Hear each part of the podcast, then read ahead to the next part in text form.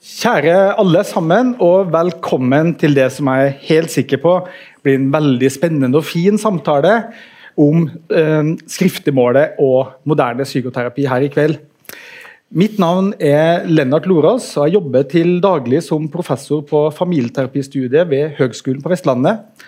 I kveld er jeg så heldig og har det ærefulle oppdraget av å være vert for å fasilitere denne samtalen med Eh, psykiater, professor, forfatter, stifter av Villa Sult i Oslo, Finn Skårderud, og eh, førsteamanuensis Kim Larsen, som er eh, førsteamanuensis i praktisk teologi ved NLA. Og i tillegg til det så er du fast skribent, kronikkskribent for VG. Veldig glad for å ha dere begge to her sammen med meg i kveld. Jeg syns de egentlig fortjener en god applaus. Jeg.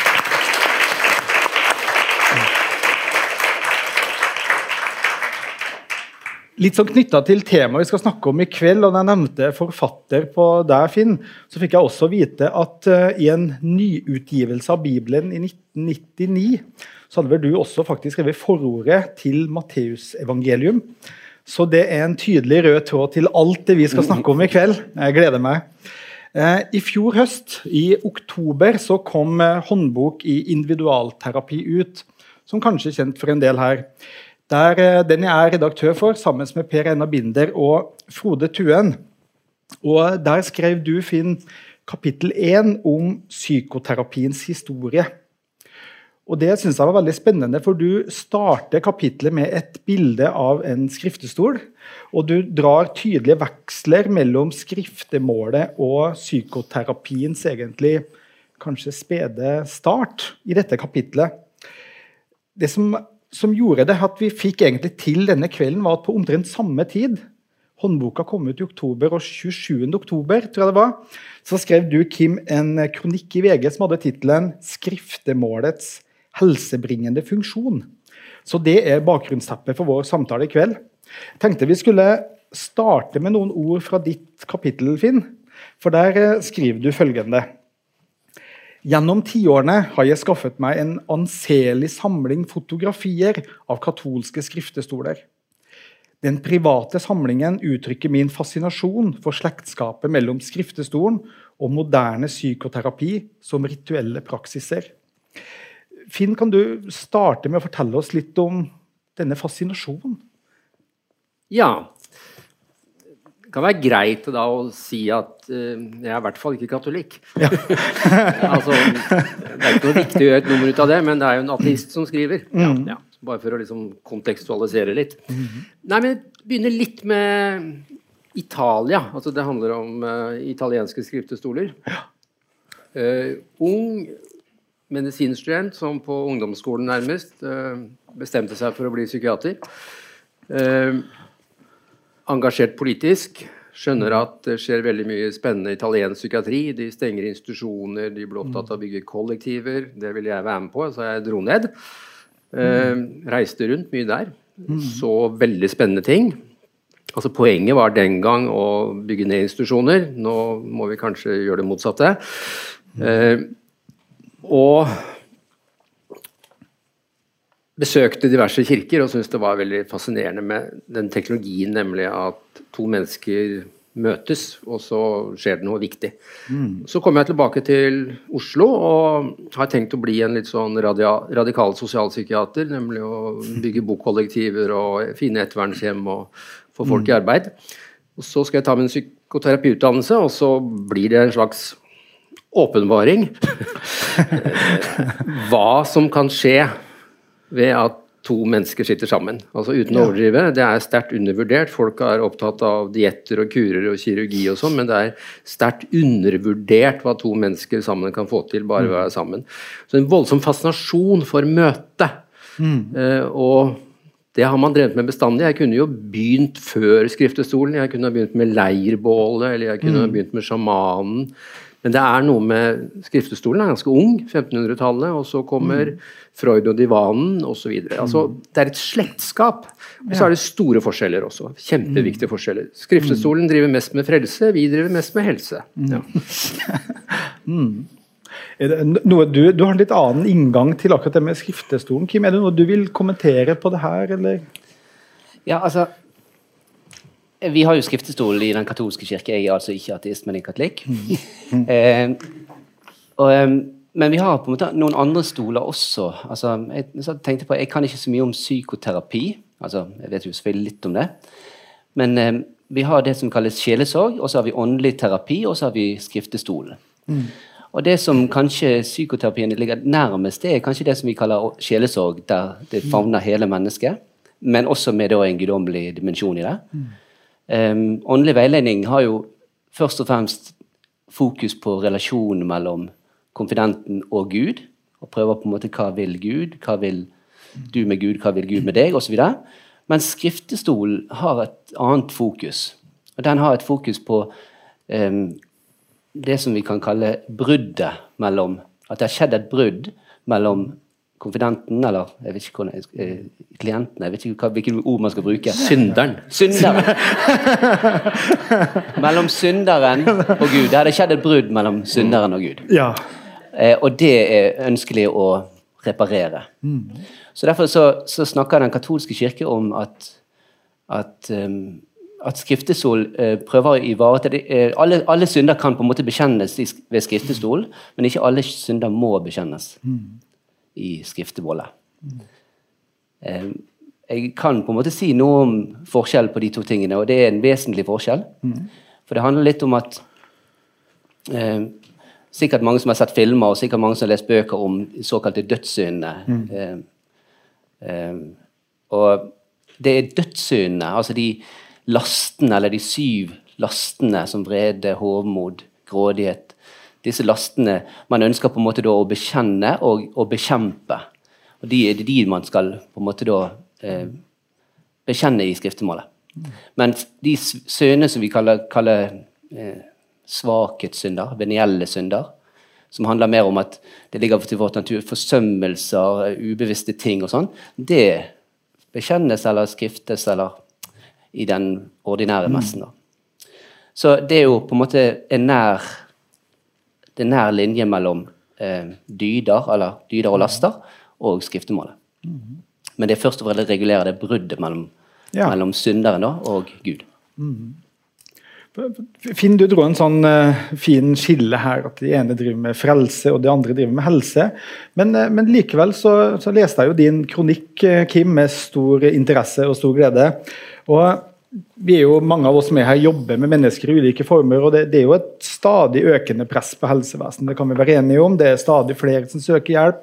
Stadig flere gis diagnoser. og I den anledning så fikk jeg litt sånn lyst til å gå til eh, det jeg synes var en litt sånn spenstig ingress, Kim, i mm. din kronikk i VG. Og Jeg vil gjerne lese opp litt sånn kort fra den og utfordre litt på den. for Der skriver du i en tid hvor mange erfarer en følelse av utilstrekkelighet, skam og skyld, er det kanskje på tide å løfte fram dette sakramentets livgivende kraft som et supplement til andre samtalearenaer. Og ikke minst, til sist så sier du hvorfor gå til psykolog når du kan bli katolikk og få skriftemålet gratis? Eh, Kim, det høres ut som du sitter med løsningen her på helsevesenets utfordringer. Ja, det gjør jeg. Ja. Vi, vi, må klinke litt til når vi skriver i VG, og særlig ja. når vi skriver ingresser. Det skal være catchy, det har vi lært. Eh, nei, selvfølgelig ikke. Jeg, bare, jeg, eh, jeg, kjører litt hardt ute, og så prøver jeg å eh, balansere det litt i teksten. Det vet jo du. Men, eh, jeg mener, men jeg mener at det, det, er noe i skriftemålet som vi absolutt Det er en ressurs som vi kan løfte frem i vår tid. Mm. Som en viktig del av um, de samtalearenaene vi har. Mm. Det er ikke bare terapeutene som er ytterste prester i dag. Er, vi har også prester som kan også ta vare på den um, rollen. Og så tror jeg på en måte at selv om på en måte skriftemålet handler om synderen og Gud, og det bruddet på en måte som er kommet inn der, og, og man ønsker å ordne dette forholdet mellom synderen og Gud, mm. så har det noen um, bieffekter. Ja. For det, det, løser også opp en del relasjoner sånn på, det, på det vertikale, eh, horisontale planet. Eh, og det på en måte prøvde jeg å liksom skrive mest om da i den eh, helsebringende funksjonen i VG. Jeg fikk litt kritikker fra noen katolikker på det. At jeg ikke eh, påpekte nok om denne rollen mellom synderen og Gud. At jeg gikk for mye på det horisontale planet og viste på en måte f.eks. Eh, lastene hvor relasjonsoppløsende det er. Mm. Hvis du på en måte gir deg hen til ja, de ulike lastene. Mm. Finn, det her går jo litt sånn, i hvert fall denne ingressen går jo rett inn i ditt fagfelt. Noen, har du noen kommentarer til eh, både Kims ord her og Kims ingress, eller noen refleksjoner generelt? Ja, i og for seg mange. Og altså, selvfølgelig eh, passa jo en gress i VG, det gjorde det. Men jeg har lyst til å ta det på alvor på mange måter. Og begynne i en litt sånn lutheransk sammenheng, da. Så mm, jeg veileder en hva heter det, sånn samskipnad, altså en studenthelsetjeneste, som bl.a. har en prest. Og mange vil snakke med han istedenfor å snakke med psykologene. fordi at det er så mye pakkeløsninger og utredninger og standardiserte modeller, mens presten snakker litt friere. Eh, så jeg, liksom, jeg tror jo litt på møtet og samtalen som sådan, som jeg, ikke er for manualisert i utgangspunktet. Eh, det jeg For å ta en omvei, da, så har mange psykoterapitradisjoner de har svidd av veldig mye tid og krefter og energi, og nesten uvennskap, på å mene at min metode er bedre enn din. Mm. Eh, og så banker de en eller annen mer eller mindre godt skrevet artikkel i bordet for det. Mm. Eh, da kan vi jo gå til skjønnlitteraturen. En prest, tror jeg, Louis Carroll, som skrev 'Alice in Wonderland'. Der er det jo en veldig sånn berømt eh, De skal konkurrere Eh, mange av de som er med i dette litt sånn LSD-aktige eventyret, av en mest sannsynlig pedofil forfatter. De skal løpe rundt et vann, og dodofuglen løper på sin måte, andre løper på sin måte, og skilpadden løper på sin måte. og Til sist så kommer alle frem, og så er dodofuglen, som døde ut på 1500-tallet på Mauritius, er dommer og sier 'alle har vunnet'. Mm. Ja, og Det kaller vi dodo bird verdict i psykoterapiforskning. Det viser seg at stort sett all psykoterapi er akkurat like effektiv. Det er ingen som er stort sett bedre enn andre. Men så er det noen dårlige terapeuter, og så er det noen ekstra gode terapeuter. Og Sånn sett så er jeg med på det. Mm. Mm. men en viktig faktor for terapeutisk effekt er jo jeg, terapeutens tro på modell, men også at pasienten, klienten, må tro på modellen. Absolutt. Og jeg hadde jo hatt problemer med å tro på en katolsk prest. Mm. altså Det er jo noe med Fordi det forutsetter noen premisser. Mm. Altså en felles idé. Og sånn sett så er det en Vi må faktisk gi Freud æren for å ha funnet opp psykoterapien. Mm. Sånn sett er det noen store forskjeller mellom den freudianske snakkekuren og det katolske skriftemålet. Mm. For det er noen premisser. Det ene premisset er tro. Mm. Mens det andre premisset er en slags type vitenskapelighet, som Freud mm. sto for. Ja. Ja. Sånn sett så er det det moderne til forskjell fra det førmoderne. på en måte. Sånn sett er det veldig forskjellig. Ja, ja jeg, jeg, tenker at uh, noe av uh, altså skriftemålets Det hviler på en antagelse om at tilværelsens dypeste grunn er relasjon til Gud. Ja. Um, og at den, i den relasjonen så mottar vi livet som en gave hele tiden. Og dermed så i den relasjonen finnes det tilgivelse, og det finnes eh, nåde og oppreisning. Så, så, det er klart at det hviler på en antakelse, og det har en guddommelig dimensjon over seg. Og særlig skriftemålet. Kanskje særlig i, i, i sjelesorg og sånn, så kan man på en måte orientere seg inn mot mennesket, prøve å uh, finne destruktive mønstre, løse opp uh, rot og, og, hjelpe på en måte uh, synderen eller konfidenten til, til å på en måte ta tak i livet sitt og på en måte knytte det an til en guddommelig dimensjon eller ikke. Mm. Men i skriftemålet er det først og fremst den relasjonen som er, er viktig. Mm. Da syns jeg det er spennende, da. og du får bare stoppe oss hvis du snakker veldig mye selv. liksom, hva er et moderne menneske? Mm. Og det kan jo bli en lang kveld etter Lennart. Uh, det fins noen kjempeviktige psykologer som begynner å fortelle hvem det moderne mennesket er. Den første er vel en som heter William Shakespeare som skrev det mest komplekse mennesket litteraturen hadde sett noen gang, nemlig Hamlet. Mm. Som er i fullstendig konflikt med seg selv. Han både synker i seg selv, og han sykner i seg selv. Og Så kommer det en spennende psykolog som heter Kirkegård, og så kommer det en kjempespennende psykolog som heter Ibsen. Eh, og de representerer det moderne mennesket, og så kommer Freud og lager en slags eh, biografi om dette mennesket. Og det er et menneske som på en måte har mista Gud. Altså, ja. Dette er jo Nietzsche. Mm. Eh, men det at Gud og djevelen blir borte, betyr ikke at Gud og djevelen blir borte. Det betyr bare at de flytter inn. Eh, Freud er jo konfliktene i meg. Mm. Det er ikke der, men det er der. Mm. Det er det onde og gode i meg, og han kaller det med rare navn som ingen tror på lenger. Altså over-jeg og jeg og id og sånn. Eh, mm. Dattera hans eh, kritiserte han for at han var altfor opptatt av testikler. så liksom, vi er ikke der. Men det er en inderliggjøring av mennesket, altså individet. Blir større, og det blir jo et individ som får store problemer med seg selv. altså Det blir indre konflikter. Og dette mennesket, som håper kunne bli passet på av sin prest og sin kardinal og sin pave og sin godseier, skal nå passe på seg selv. Selvkontroll.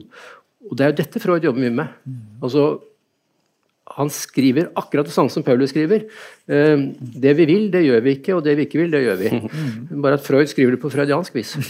Han snakker om konfliktpatologier og indre patologier. Så på en måte så er det et kjempesprang også, mm. fra det førmoderne katolske troende mennesket til dette psykologiske mennesket som skal være sin egen herre, og det er ganske slitsomt. Mm. Det er jo derfor vi trenger så utrolig mange terapeuter i dag. Mm. For folk har ikke kontroll, men det har de aldri hatt. Mm. Eh, men nå er forventningen til selvkontroll er jo helt ekstrem. Ja denne konflikten på en måte som finnes i mennesket, den er jo for så vidt det er jo, Hvis du leser i Det gamle testamentet for så vidt Nytestamentet, så ser du en konflikt i mennesket hele tiden. Mm. Eh, og så dette at på en måte mennesker har eh, Jeg tenker jo at Bibelen og, og særlig GT da, tematiserer mye av de mørke sidene i mennesket. Mm. Eh, og de, deres tilbøyeligheter til å gjøre det gale. Uten at det blir sykeliggjort, men, men at det på en måte er en del av, av menneskets svakhet, menneskets vilkår som på en måte da må bekjempes gjennom, gjennom å eventuelt eh, eh, jobbe med jobbe og kjempe mot mønstrene, de destruktive mønstrene, eh, destruktive lastene. Mm. Sånn at eh, Kirken er på en måte ikke fremmed for disse mørkesidene. Tvert om vil jeg si at de nesten forutsetter en type iboende ondskap eller iboende mørkesider i, i mennesket som, som, må jobbes med. Altså jeg syns det er veldig spennende jeg, å tenke at vi mennesker vi driver med mye av det samme. Altså, du og jeg driver med veldig mye av det samme, for vi lever på samme klode akkurat nå. Eh, men vi snakker forskjellig om det vi gjør. Altså, jeg kan ha faglige begreper. Eh, eksempel tenker Jeg jeg bruker aldri ordet nåde, men det bruker en del mm. kristne mennesker. Mm. Men det er helt sikkert det samme som jeg har et annet ord for. Mm. Eh, så det er mye at liksom, Vi driver med samme prosjekt, bare at vi har veldig forskjellige retorikker rundt det her. Og klart at Om det er konflikt med Gud og meg, eller om det er konflikt med meg og meg, mm. og jeg og selvbildet mitt eller jeg og gudsbildet mitt, altså dypest sett så er det kanskje ganske universelle konflikter, tror jeg. Og der tenker jeg man, man kan låne, at Kirken kan låne mye av eh, psykoterapiens eh, vitenskapelige anliggender. Mm. Eh, fordi at det å, det å, kjempe med seg sjøl, det er et viktig tema innenfor Kirken også. Mm. Men da er det spennende, tenker jeg da, eh, å liksom reflektere litt over f.eks. denne Freud. da. Eh, jeg synes Det er litt viktig å liksom beskytte Freud, for det er mange som sier at liksom Freud er gammel og dum og død. og sånn. Nei da, det er han ikke. Han bare sa ting som ikke er så relevant i dag. Mm. Men han sa mye interessant òg. Men han begynte jo med hypnose, mm. og forkastet det. Eh, og så drev han med noe som heter katarsis, liksom, å få det ut. Det tenker mange vi psykoterapeuter i dag. Liksom, det er ikke så viktig. Det er ikke det viktigste. Altså, det er viktig å, hvis du har gjort noe skikkelig gærent, og kanskje si det til noen. Altså tømme seg. Men jeg tenker noe av det viktigste, Lennart, eh, vi som er kolleger, at det er jo ikke å få det ut, men det er å få det inn. Mm. Det er å få respons. Altså det er møte. Mm. Og sånn sett så tenker jeg i skriftestolen så er det jo et møte med en autoritet mm. som kanskje gir en respons, og den responsen heter kanskje aksept. Det heter tilgivelse, det heter 14 botsøvelser og litt sånne ting. Altså, det er jo i slekt, men det er også i vidt forskjellige kulturelle kontekster. Mm. Men hva sitter du Jo, du kaster ut hypoteser, du bekrefter, du gyldiggjør. Altså, jeg tenker at det vakre med denne skriftestolen og to moderne stoler, det er jo nettopp at det er reelle møter. Det er ansikt til ansikt. eh, Du får svar. Det verste som kan skje et spedbarn, det er jo en deprimert mor som har et stille ansikt, og det ikke er respons. Altså, det er vel responsen. Og jeg tenker at vi overdriver veldig som moderne tid hvor vi snakker om sånn indre liv og psyken og sånne ting. Eh, Det er jo møtene det handler om. Det fins ikke noe selvrealisering som ikke går via andre mennesker. Ja, jeg tenker at det er helt, der er vi helt på linje. Men jeg tenker også at eh, skriftemålet har en, det har en, en annen dimensjon også. Altså, em, for de som, de som erfarer skriftemålets velsignelse, da, vil jeg kalle det, de, de erfarer jo at de får at dette forholdet som er brutt, blir reparert. Eh, Det er derfor man har en type botshandling også i, i skriftemålet. Eh, nåden er gratis, eller tilgivelsen er gratis, men den kansellerer ikke rettferdigheten eller de konsekvenser som den skyld har påført eventuelle relasjoner eller andre, andre, andre settinger. Sånn at jeg tenker at eh, jeg tror det, kanskje det som er det i hvert fall mest befriende som, fra et innenfra-perspektiv som katolikk, da, så tenker jeg det er det som er mest befriende, at du, du får på en måte en helt ja, du får den katarsis, du får en renselse, du får en, en ny start, en ny begynnelse. Og det har, har følgeeffekter, eller det er smitteeffekter, på relasjonene og på samfunnet, og det er det jeg på en måte fokuserte på i den artikkelen i VG. Det er den helsebringende funksjonen. For den enkelte, selvfølgelig. For relasjonene, for Gud, for kirken, for samfunnet for øvrig. Men det forutsetter jo da, tenker jeg, Kim, på en eller annen måte, at du har denne trosevnen. Absolutt. Altså jeg har i perioder av mitt liv vært rammet av en viss sånn troslyst. Jeg har misunt dere som tror. Jeg får det ikke til, for jeg er veldig skeptisk til eh, voksne folk.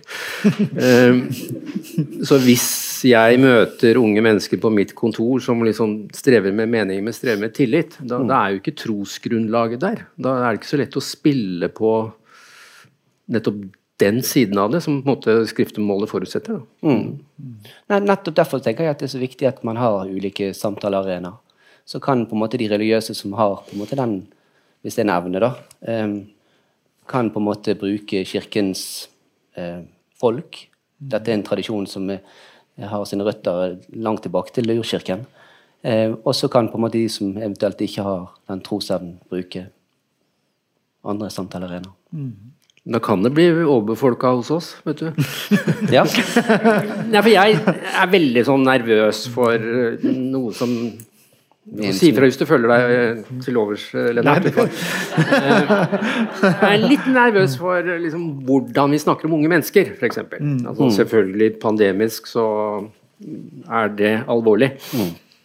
Men jeg er i en viss grad i ferd med å liksom sykeliggjøre en hel generasjon. eh, Og ikke minst håper våre profesjoner er med på det. Og putte på diagnoser osv. Så, videre. så det skal vi ikke gjøre.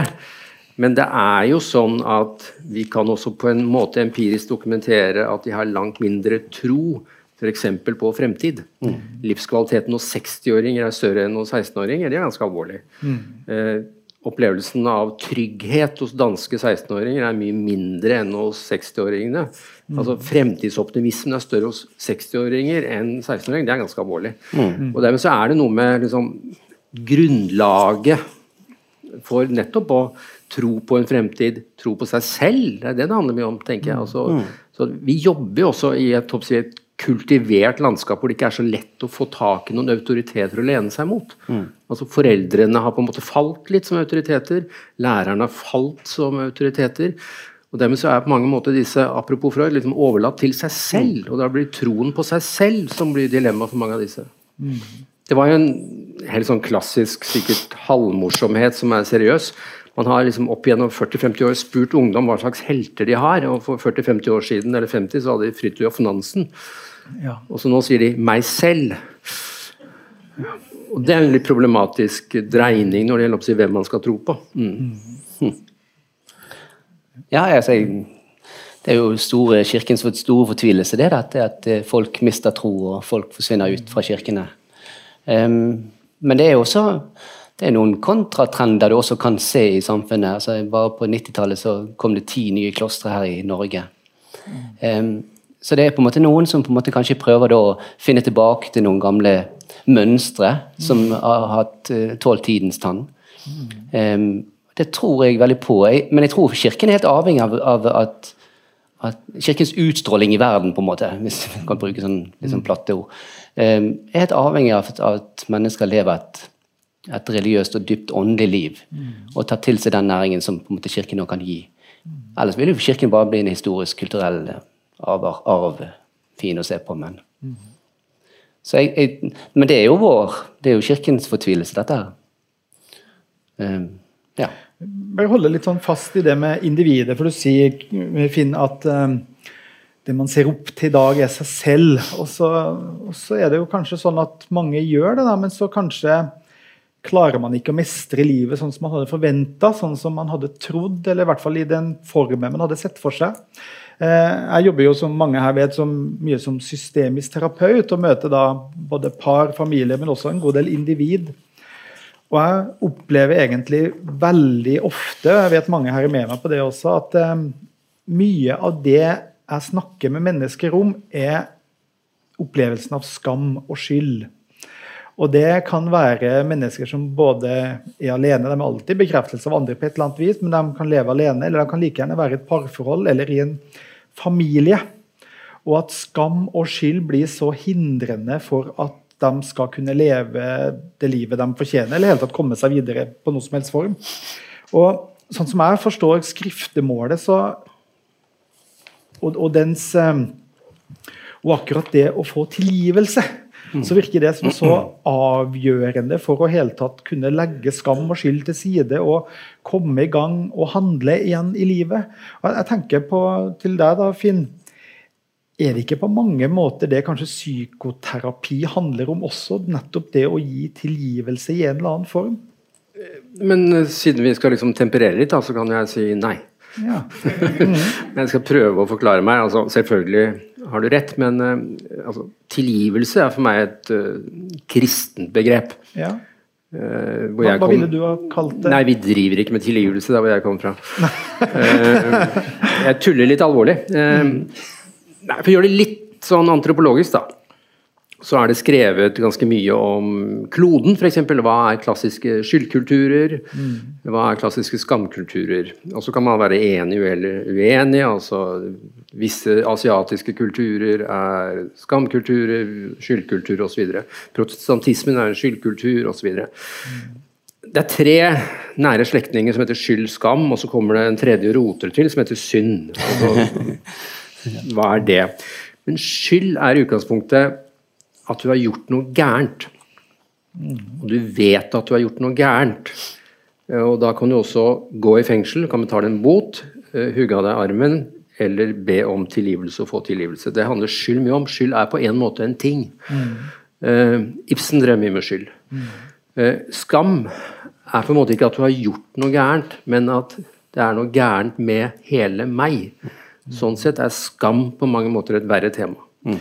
Uh, og synd kan jeg ikke noe om. Eh, og er nok litt begge deler, mm. avhengig av hvem Absolutt. du snakker med. Eh, mange ville si, f.eks. jeg, at vår kultur i dag er mye mer skamdrevet enn skylddrevet. Mm. Det er ikke så mye hva du gjorde gærent, mm. men at jeg, alt jeg ikke evner å bli. Så det er noe med meg. Så jeg jobber jo ekstremt mye med skam. Ja. Hva er det folk prøver å gjøre med skam, stort sett? Jo, skjule den, for det er skamfullt å vise den. Mm. Et terapeutisk rom, det kan være et kjempeviktig åsted for å jobbe med skam. Mm. Nemlig å tørre å vise og se at terapeuten ikke løper ut av rommet, ikke faller ut av stolen, men tåler det. Mm. Så jeg ville, for å være litt retorisk med deg, Lennart, ikke si nei, ikke tilgivelse, men å bli tålt, simpelthen. Mm. mm. At jeg ikke sitter og rødmer, og at ikke jeg kjefter, og at jeg ikke løper. Og jeg mm. sier det veldig ofte når jeg sitter med mennesker, og særlig unge mennesker. Eh, jeg tåler det, jeg detter ikke ut av stolen. Mm. Men det er ofte en tematikk som vi må løfte frem og må tematisere. Den kommer ikke av seg selv. Mm. Jeg tenker at jeg jobber mye mer med skam enn jeg jobber med skyld. Og sånn sett så ja. driver jeg ikke så mye med tilgivelse heller. Nei. Mm. Ja, det var jo kjempeinteressant. Jeg, jeg følger det veldig der. Jeg tenker at Det med skam det finnes jo i hvert fall to typer, og sikkert mange flere. Du kan jo det er mye bedre enn meg. Men det finnes jo denne usunne skammen som du påpeker her. Men det finnes jo en sunn skam også som beskytter oss, sant? altså verner oss. Eh, et skamløst samfunn ville vært katastrofe. Sånn at det er jo eh, usunne skammen, det tror jeg på en måte kan Kirken også bearbeide. med eh, Særlig knyttet til at Gud gir verdi. altså At eh, du skapte Guds bilde, er avhengig av Gud, men, men at han, han ønsker deg, vil deg, har kjærlighet for deg. Mm. eh, klart at dette, dette er et krevende arbeid, og eh, liksom ikke, det er ikke noen quick fix verken i skriftemål eller i skillesorg. Men, men det med, med skam syns jeg er utrolig interessant. for jeg, og Det er noe veldig elastisk med den skamfølelsen også. sant? Altså, bare tenk, Tenk på nå i, i den koronatiden, den her kulturelle skammen som på en måte Tidligere var det skambelagt å ikke håndhilse på kronprinsen, nå er det skambelagt å håndhilse på kronprinsen. Altså, veldig elastisk flyskam, alle disse skammene vi får. På hvem vi er på en måte som mennesker. Så jeg tror du har rett. og Det er jo bare til å gå inn på Instagram, så skjønner du det. At eh, dette er et stort problem. Ja, det er et stort problem, et interessant problem. Eh, og jeg er veldig med deg, Kim, på at uh, altså det er veldig lett hvis man har litt sånn terapeutisk retorikk å si ja, men du må ikke føle skyld. Det kunne sånn som oss finne på å si til foreldre. Jeg sier stort sett ikke det. Jeg sier dere bør føle skyld. Passe. Fordi skyld er lik ansvar. Altså Hvis foreldre ikke skal føle noe skyld for barna sine, så er det veldig alvorlig. Men de bør føle passe skyld. Dvs. Si passe ansvar. Eh, og hvis jeg sier du må ikke føle skam, så kommer det jo noen eh, teologer og sier jo det bør du. Og det er jeg helt enig med i. Altså, Det skamløse er jo verre enn skammen. Ja, på en måte. Eh, så det er jo en, som det meste her i livet, så er det en balanseakt. Og så kan man tenke at skammen da har to røtter mulig. Det ene er å bli skammet på av en kultur, altså mobbing, eh, kulturer som eh, er håmodige. Hvor i all verden fikk vi liksom begrepet skamben og skamlepper fra på, på kvinner? Det er vel noen som har skammet dem, disse kvinnene. Eh, altså du blir påført skam. Den andre er jo fravær av mennesker. Altså Noen av de som skammer seg mest, er jo de som ikke har fått noe godt.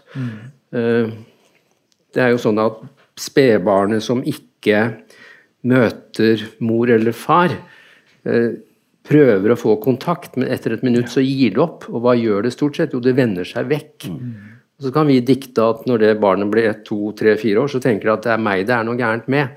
Det er skam. Da kommer skammen på en måte av mangelen, mens andre gang kan den komme av det negative.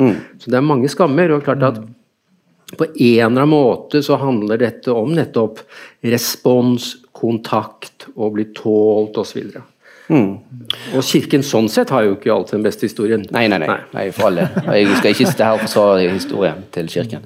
Men, eh, men jeg tenkte på det med um, I forbindelse med Det er jo ofte skyld. Altså, du har gjort, du har gjort en bevisst handling. Det er den, den handlingen du kommer og skrifter, f.eks. Men da kan jo det på en måte også ligge en skam i den altså Det som kalles falsk skyldfølelse, det må jo Kirken være veldig oppmerksom på. Eller, I hvert fall skriftefar må være veldig, veldig oppmerksom på det.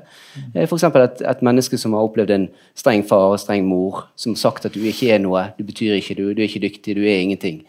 Eh, og så ligger dette på en måte i kroppen.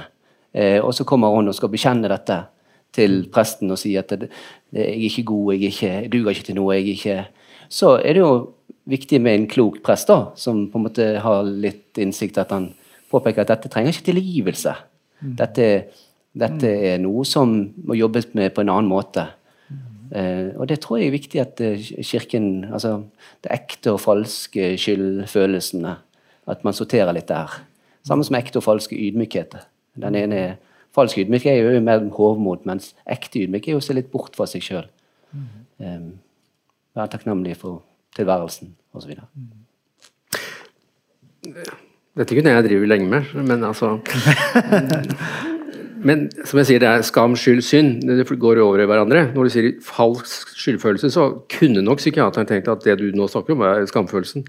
Altså, jeg er ikke god nok, Det er det jeg jeg er ikke god nok. Ja, ikke sant? Så, så, Sånn sett er det skam, men det er ikke noe viktig at vi liksom knekker den koden. Men det er noe med delen og helheten. Det dypt skamfulle mennesket skammer jo seg over at det skammer seg. Ja, Altså, det skammer seg over det meste. Eh, så, men jeg tenker også at hvis jeg skal da bare utfordre deg litt VG-aktig, da, Kim. Eh, så satt jeg for noen år siden Altså, du skal ikke ta ansvar for dette. Eh, satt jeg med en ung kvinne fra Vestlandet som hadde vært del av en menighet. Eh, og det var gjort seksuelle overgrep mot henne i menigheten. Eh, og det som hun var påført av skyldfølelse fra seg selv, for hun var sosialisert inn i kulturen, men også fra menigheten, det var at hun ikke evnet å tilgi overgriper. Ja, så hun har skyldfølelse for hun ikke evner å tilgi. Mm. I Østerdalen så slipper du å tilgi. Ja. Mm. Jeg skjønner. Jeg hadde gitt blaffen i det. Mm. Ja. Hvorfor skal man tilgi som et rituale? Hvis det er noe som er viktig å tilgi, så er det jo ting som er helt utilgivelige. på en måte. Mm. Altså Hvis det bare blir et rituale, så er det ikke sikkert det er så viktig. Mm. Altså Jeg koketterer jo litt. Jeg mener jo ikke at jeg er ikke opptatt av tilgivelse. Men egentlig så er jeg ikke så veldig opptatt av tilgivelse. Hvis ikke Nei. folk trygler om tilgivelse, da kan jeg vurdere det. Mm. Ja. Men at det bare ble et rituale, kan også det bli et tomt rituale. Absolutt. Mm. Jeg er veldig opptatt av tilgivelse, men jeg tror det er på en måte veldig befriende. I, både i relasjoner og i forhold til Gud. Ja. Så, men det er klart at noen ting er nesten utilgivelig, og da og her tenker jeg jeg er så glad at jeg ikke er prest, og så glad at jeg er litt på utsiden av kirken. Mm.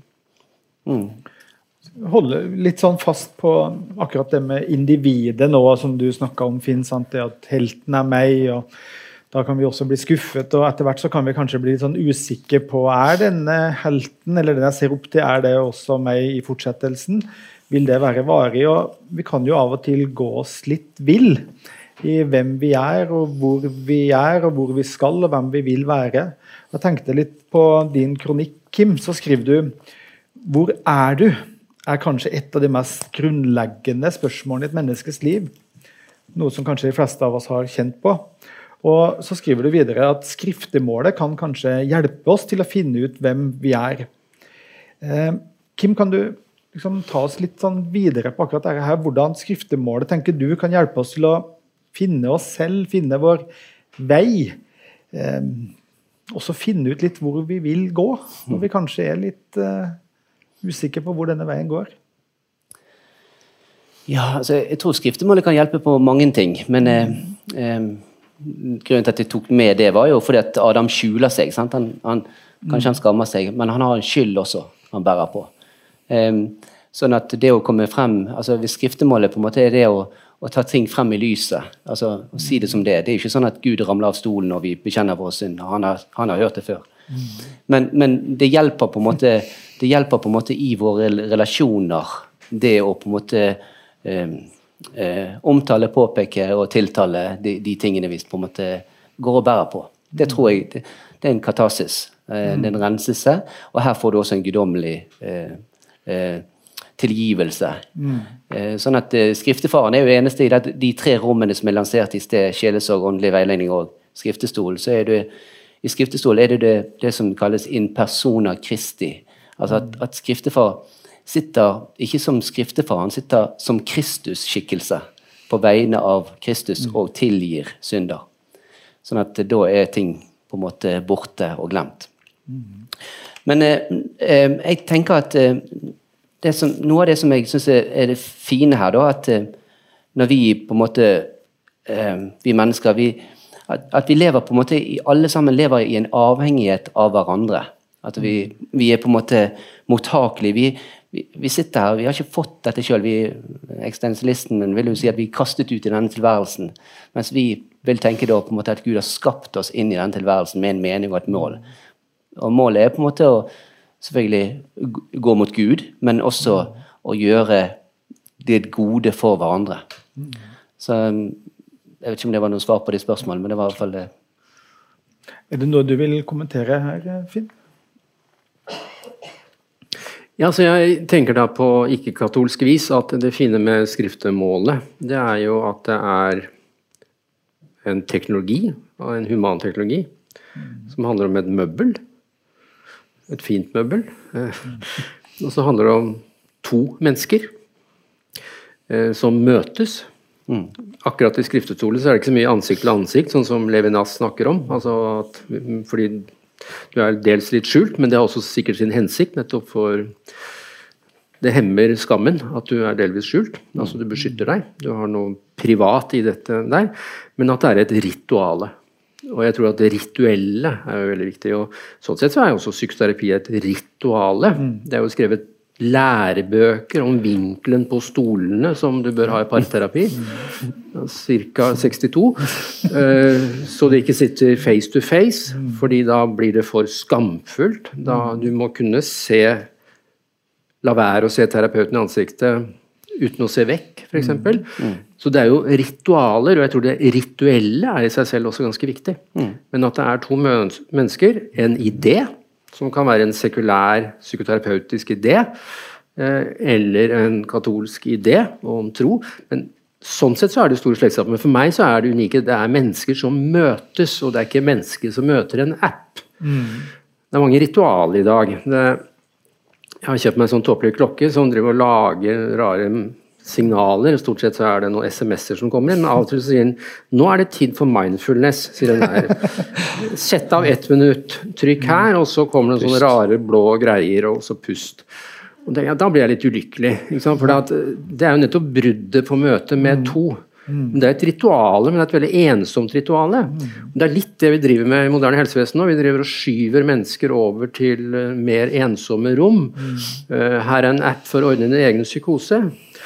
Ja. Jeg karikerer. Altså, jeg tror det er veldig viktig at vi bevarer disse ritualene som er reelle møter face to face, og ikke skjerm til skjerm. Om det er 62 eller 64 grader på stolen, og om det er med eller uten Gud, det er kanskje ikke det viktige, men at vi klarer å opprettholde at det er humane møter. For vi har også et nervesystem som er rigga for fysiske møter. Ja. ja. det tror jeg er helt riktig. Absolutt viktig med det møtet. Når det gjelder skriftemålet, så er det jo både at du kan få det møtet, du kan få det direkte møte, men du kan også få en type anonymitet.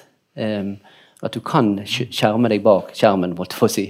At du kan på en måte prøve altså Det handler jo litt om at du kan på en måte få lov til å bekjenne uten å ha et personlig forhold eller relasjon til det vedkommende du bekjenner til. Mm. Um, og, og, jeg vet i hvert fall at en del syns det er berikende. Ja, samtidig kan jeg si at ja, vi har ikke skjermen. Og jeg tror noe av det verste psykoanalysen har funnet på, er jo å sette terapeuten bak. bak ja. mm. Eh, fordi da mister du nettopp face to face. Mm. Og så hører du noen sånn diffuse snorkelyder av og til, som må være veldig krenkende, tenker jeg. Mm. Eh, så akkurat det er en underlig oppfinnelse. Mm. Det er jo noen historikere som mener at en av grunnene til at Freud ble så veldig opptatt av distanse og avstand, han sa jo anonymitet og abstinens. sa han. Er nettopp at mange av hans unge elever ikke drev med abstinens. Altså De gikk til sengs med sine pasienter i Wien, og det var veldig alvorlig for han, så han er jo veldig opptatt av ingen kroppslig kontakt, f.eks. Mm. Eh, så det er en veldig distansert praksis som kanskje har sin historiske berettigelse. Mm. Eh, men det er også et sted hvor det er en rekke mer eller mindre eksplisitte ritualer. Det varer så mange minutter. Mm. Dette underlige fenomenet du må betaler ganske mye ofte. Eller du får frikort. Um, skal vi hilse på hverandre hvis vi treffer hverandre på gaten? Altså, det er en taushetsplikt. Altså, det er også en rekke ritualer som også lagrer en beskyttelse i dette her, tenker jeg. Noen av de kan være uhensiktsmessige, noen er helt klart veldig hensiktsmessige. Nei, Det hører vi også tilbakemeldinger på fra klienter eller brukere, pasienter, kall det hva du vil, i forhold til den digitale tiden som har vært nå, med samtaler der, hvor det for noen kanskje har vært litt befriende. Det at du faktisk kan lukke skjermen. Du kan slå av, du kan late som bildet fryser. Hvis det blir for intenst. Det, det med, for det med å sitte så tett kan også være nesten litt sånn hemmende også for samtalen. Og der kan kanskje skriftemålet tilby noe litt befriende. da. Ja, altså Gitt at du tror på Gud. Ja. Uh, altså Jeg er grunnleggende som man er nødt til å være for og mot internett. Mm. Uh, jeg skrev for 20 år siden om betydningen av skjermer. Slik mm. at en eh, skamfull homofil 14-åring mm. oppe i Østerdalen eh, kan logge på seg en skjerm og fortelle noen at han er homofil, og så lukke igjen. Mm. Eh, altså skjermen beskytter. Ja. Eh, den fasiliterer, den fremmer, den åpner. Mm. Mens vi som jobber jeg, over tid med ganske alvorlige fenomener, så ser vi at de skjermene kommer veldig til kort. Ja. Nettopp fordi de skjermer. Mm. Det er veldig vanskelig å føle på tvers av en skjerm. Eh, så alt til sitt bruk. Det som er skummelt, er jo, for å leke litt VG-aktig med begrepene her, den skamløse begeistringen for digital teknologi hos helseforetakene våre, den begynner å bli skamløs. Ja. Ja. Mm. Nei, Det er jo utrolig mye som går tapt, det er det jo ingen tvil om, samtidig som det også gir noen muligheter. Eh, Jeg tenkte på et litt sånn kanskje direkte terapi, terapeutisk arbeidsspørsmål til deg, Finn. Eh, For du skriver i ditt kapittel så skriver du jo om, du skriver jo om din avdøde kollega Sigmund Freud, og, og mye om psykoanalysen. og Freud var jo på mange måter opptatt av hvordan tidlig opplevelse påvirker oss i nåtiden, og da kanskje også i fremtiden. Og I den anledning så skriver du også, Kim, i din kronikk ved å forstå bakover kan man leve mer autentisk fremover. Og slik sett få mulighet til å kjempe mot sine laster i livet. Jeg lurer på, Finn, eh, er noen av disse ideene sentrale i din måte å møte mennesker på? Din måte å jobbe på?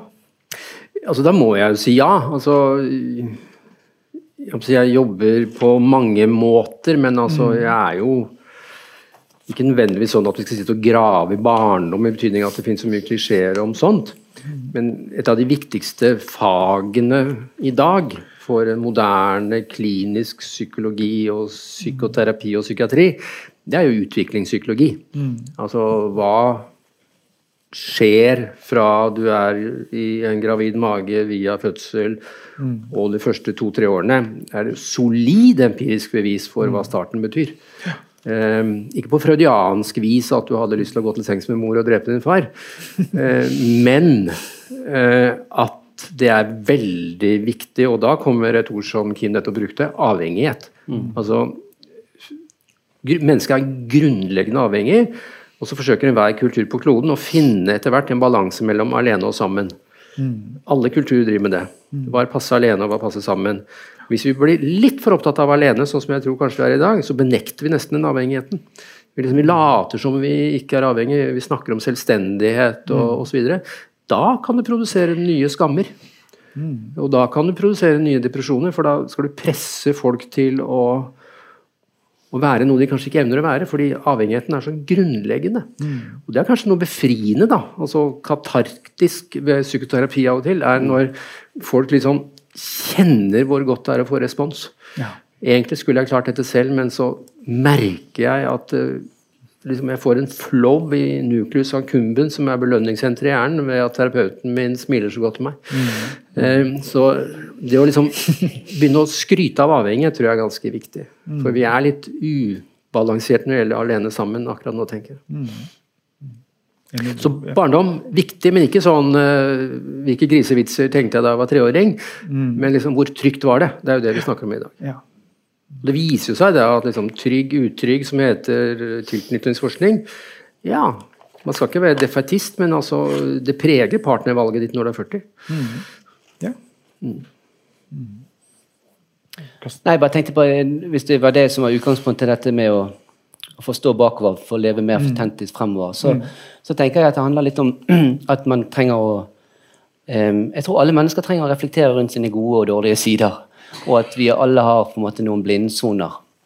Em, og, og den katolske kirke snakker om at det finnes en svakhet i viljen hos alle mennesker. Altså, det, det er en, en eh, Jeg husker min svigermor sa en gang at, eh, til eh, sine barn at eh, hvis de på en måte ikke ville rydde rom, eller hvis de ikke ville rydde kjøkkenet og sånn ja, Hun har vondt i viljen. Og de har vondt i viljen, det er ganske alvorlig. For da går, du, da går du fra det at du har en innsikt, eh, eh, og så er det en brudd fra innsikten til handlingen. Altså, du vet hva som er rett, og så gjør du det gale, litt som Paulus sier. Eh, så det å på en måte prøve å reflektere rundt disse sidene ved seg sjøl og sette opp noen grenser og eh, Det tror jeg er eh, viktig. Og det tror jeg på en måte både skriftemålet og sjelesorgen kan, kan bidra med. Det vil jo på en måte en skriftefar også hjelpe til med. Eh, og botenøvelsen er jo først og fremst for at, at du skal få til, altså gjøre, gjøre eh, gal til rett igjen. Men det er mer en, en type øvelse, at, sånn at du hindrer å komme inn i disse destruktive mønstrene du har eh, vært i før. da. Så det var det jeg tenkte på i, i forhold til å tenke bakover for å leve mer autentisk fremover.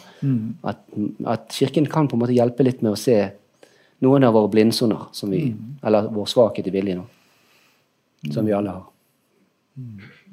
Til og med ateistene. Svakhet i viljen, sier du, Kim. Jeg tenkte på å holde litt fast i teksten din her et øyeblikk, da, på, mot, mot, slutten her. For du, du beskriver bl.a. skriftemålet som en slags åndelig hygiene. Som på sitt beste bidrar til å fjerne det som tynger, og gir oppreisning til mennesker som har gått på trynet, og dermed får muligheten til en ny start. Mm. Kan, du, kan, du, si litt mer om hvordan du tenker at skriftemålet på den måten kan hjelpe oss når vi går på trynet? Jeg tenker at eh, vi glemmer jo ikke, sant? Men, men, jeg tenker at den guddommelige tilgivelsen som på en måte gis mm. i et skriftemål, er ganske radikal. Altså den gjennomgripende. Eh, mm. hvis den mottas, selvfølgelig. Den må jo mottas av, av de troende. Men, og Derfor så er det noe gjennomgripende og radikalt ved en tilgivelse at du får en helt blank start.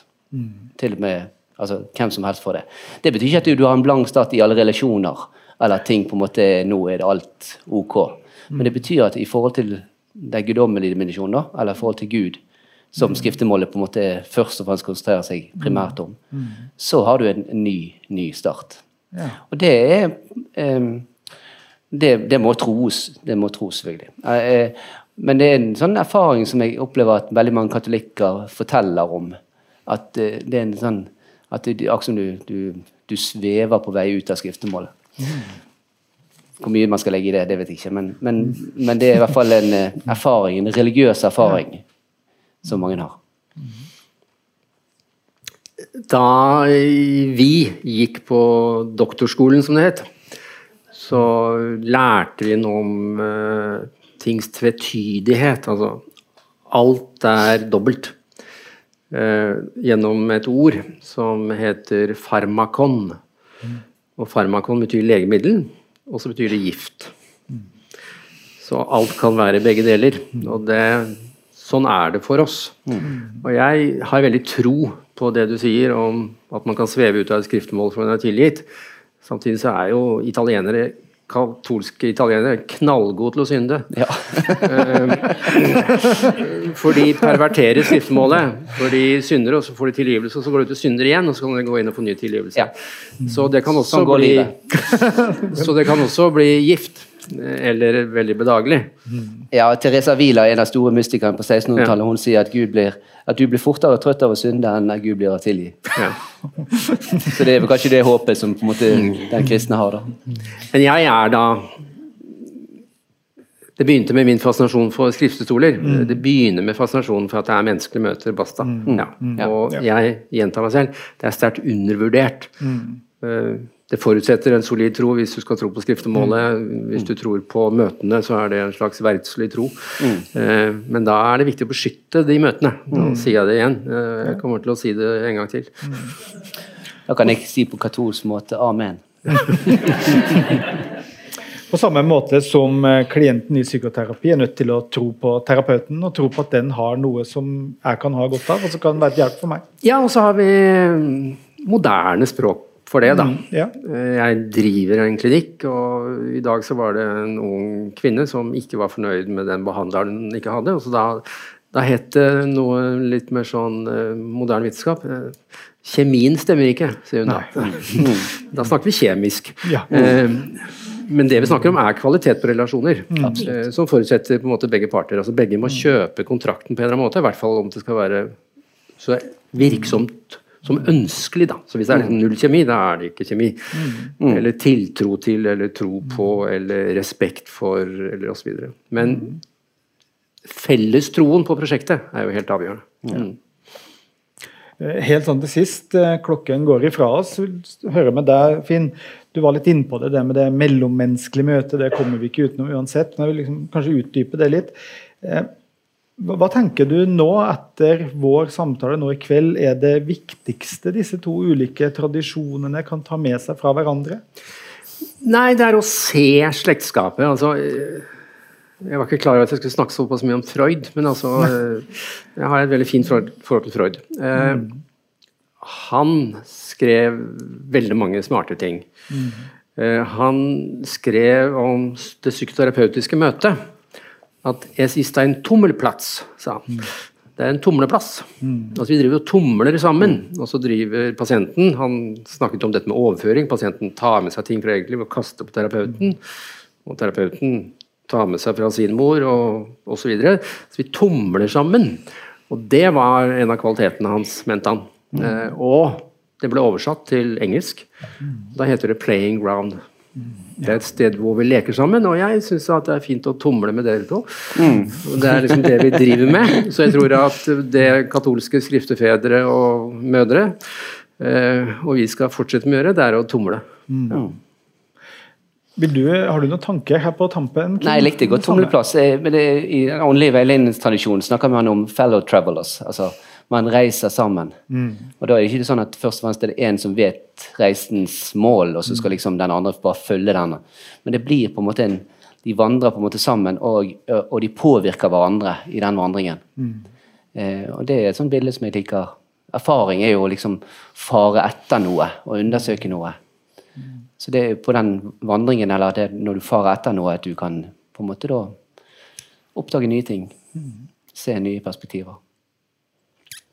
Gode ting. Forhåpentligvis. Kjære Finn og kjære Kim, takk for samtalen. Det har vært en glede, og takk for i kveld.